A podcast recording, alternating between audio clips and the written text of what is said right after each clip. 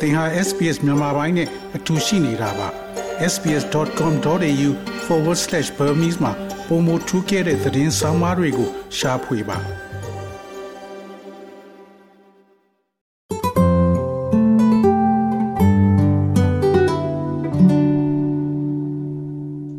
သောရရှိမြောက်ယနေ့တင်ဆက်ပေးမှာတော့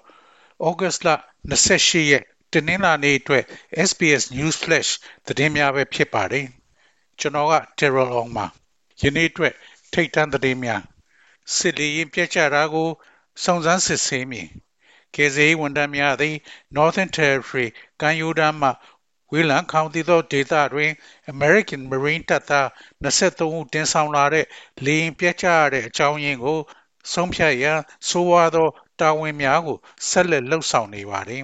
။တနင်္ဂနွေနေ့နံနက်ပိုင်းက ဒါဝင်မြို့မြောက်ဘက်ကီလိုမီတာ80အကွာရှိ Melville ကျွန်းတွင် လေယာဉ်ပျက်ကျမှုအတွင်း American Marine တပ်သား3ဦးသေဆုံးကအခြား20ဦးဒဏ်ရာရရှိခဲ့ပြီး9ဦးမှာပြင်းထန်သောအခြေအနေဖြင့်ဆေးရုံသို့ပို့ဆောင်ထားပါတယ်။ Northern Territory ဝန်ကြီးချုပ် Natasha Flies ကအရင်းမြစ်အားလုံးကိုပြက်ကျသည့်နေရာကို လုံခြုံစေရန်အတွက်အသုံးချပြီးဖြစ်ကြောင်းပြောဆိုပါတယ်။ Australia ရှိ American တန်ယုံရဲ့ထုတ်ပြန်ချက်မှာ Australia တုံ့ပြန်သူများအားကျေးဇူးတင်ရှိကြောင်းပြောကြားပြီးသေဆုံးသူများရဲ့မိသားစုများနဲ့သူငယ်ချင်းများထံအလေးအနက်ထားဝမ်းနည်းကြောင်းထပ်လောင်းပြောကြားခဲ့ပါတယ်။စစ်ရေးလေးလာသူနဲ့အငိမ့်စားဗိုလ်မှူးကြီး Cedric Linton ကမနှစ်ကနော်ဝေမှာ Osprey လေယာဉ်ပြတ်ကျမှုကိုရည်ညွှန်းပြီးနောက်ဘာတွေဆက်ဖြစ်မလဲဆိုတာကိုနိုင်သတင်းဌာနကိုပြောဆိုပါတယ်။ပုံမှန်အားဖြင့်ဤကဲ့သို့သောကိစ္စများတွင်မည်သို့ဖြစ်မည်နည်း၎င်းတို့သည်စစ်စင်ရေးစတင်စစ်ဆေးခြင်းကို ပြုလုပ်ရမှာဖြစ်ပြီး၎င်းတို့သည် လေရင်ကို အမှန်တကယ်ရက်ဆိုင်ဖျက်သိမ်းရမှာဖြစ်ပြီးဖြစ်ပျက်ခဲ့သည်များကိုအကဲဖြတ်ရမှာဖြစ်ပါတ ယ်။ယင်းသည် မတော်တဆမှုဆိုင်ရာစုံစမ်းစစ်ဆေးမှုဖြစ်ကောင်းဖြစ်နိုင်ပါတယ်။တိတ်စီရင်သွေးမှုများအခမဲ့တိတ်မှာစာတင်ယူရန်စီရင်သွေးမှုသည်2သိန်း1000 4000ထက်ကျော်လွန်ပြီးကနဦးကတသိန်းရှစ်သောင်းပြစ်မှတ်ကို မျှော်လင့်ထားသည့်ထက်6လစောစွာကျော်လွန်သွားပါတယ်။ဆောင်းရှောက်မှုကဏ္ဍသည်ចောင်းသား9100ကျော်သို့မဟုတ်စီးရင်သွင်းမှုအားလုံးရဲ့လေးပုံတစ်ပုံခန့်ဖြစ်ပြီး အကြီးမားဆုံးစီးရင်သွင်းခြင်းဖြစ်ပါတယ်။ဆောက်လုပ်ရေးလုပ်ငန်းတင်နန်းသည်စီးရင်သွင်းသူ2100နီးပါးကိုစီးရင်သွင်းခဲ့ပြီးဤပညာနဲ့ digital တင်နန်းကိုစီးရင်သွင်းသူ18000နီးပါးနဲ့အစောပိုင်းကလေးပညာရေးနဲ့စောင့်ရှောက်မှုတင်နန်းကို12000နီးပါးစီးရင်သွင်းခဲ့ပါတယ်။အမျိုးသမီးအများစုသည်60ရာခိုင်နှုန်းကျော်ဖြင့်စီးရင်သွင်းကြပြီးသုံးပုံတစ်ပုံကျော်သည် ဒေသများရှိကျောင်းများတွင်ဖြစ်ပါတယ်။ဝန်ကြီးချုပ်အန်သိုနီအယ်ဘနီစီကအဆိုပါကိန်းဂဏန်းများကိုအံ့ဩချီးမွမ်းဖွယ်ကောင်းသော အောင်မြင်မှုလို့ပြောဆိုသွားပါတယ်။ Qantas လေကြောင်းလိုင်းစုံစမ်းစစ်ဆေးမေးမြန်းခြင်း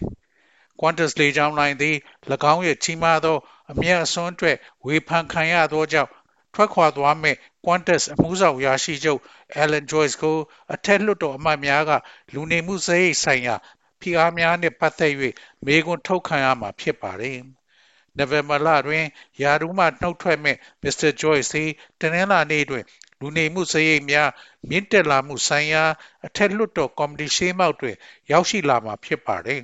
။လေကြောင်းလိုင်းအမှုဆောင်ရာရှိချုပ်သည်ပါလီမန်ကော်မတီရှေ့မှောက်တွင်ဆယ်စုနှစ်တစ်ခုနီးပါးအတွင်းပထမဆုံးအကြိမ်ဖြစ်ရောက်ရှိလာမှာဖြစ်ပါတယ်။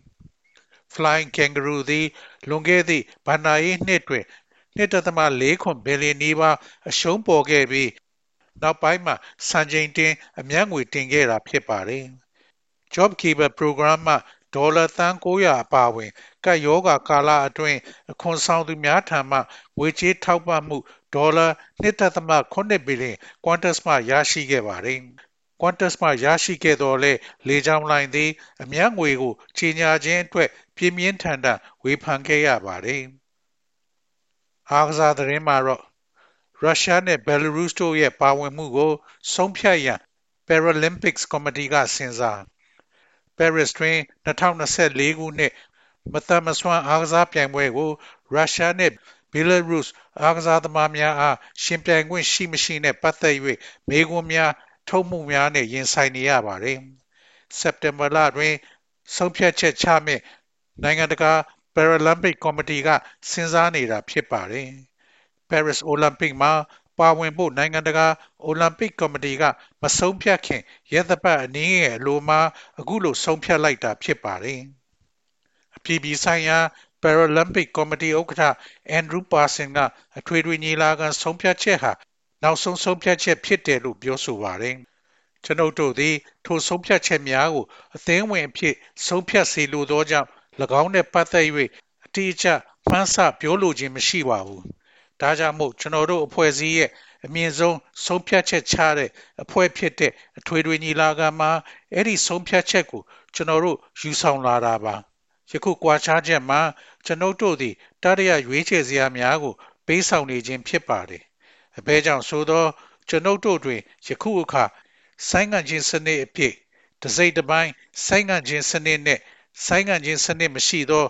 ဆိုင်းထိန်စနစ်တို့ဖြစ်မဲ့ရွေးချယ်စရာ၃ခုကိုစပွဲပေါ်တွင် တင်ပြမှာဖြစ်ပါတယ်။ဒေဇင်သတင်းတူ news flash များကိုပုံမကြားသိရန် SBS language podcast ကိုတွားရောက်ကြည့်ရှုပါ။သို့မဟုတ်တွားရောက်နားဆင်ကြည့်ပါ။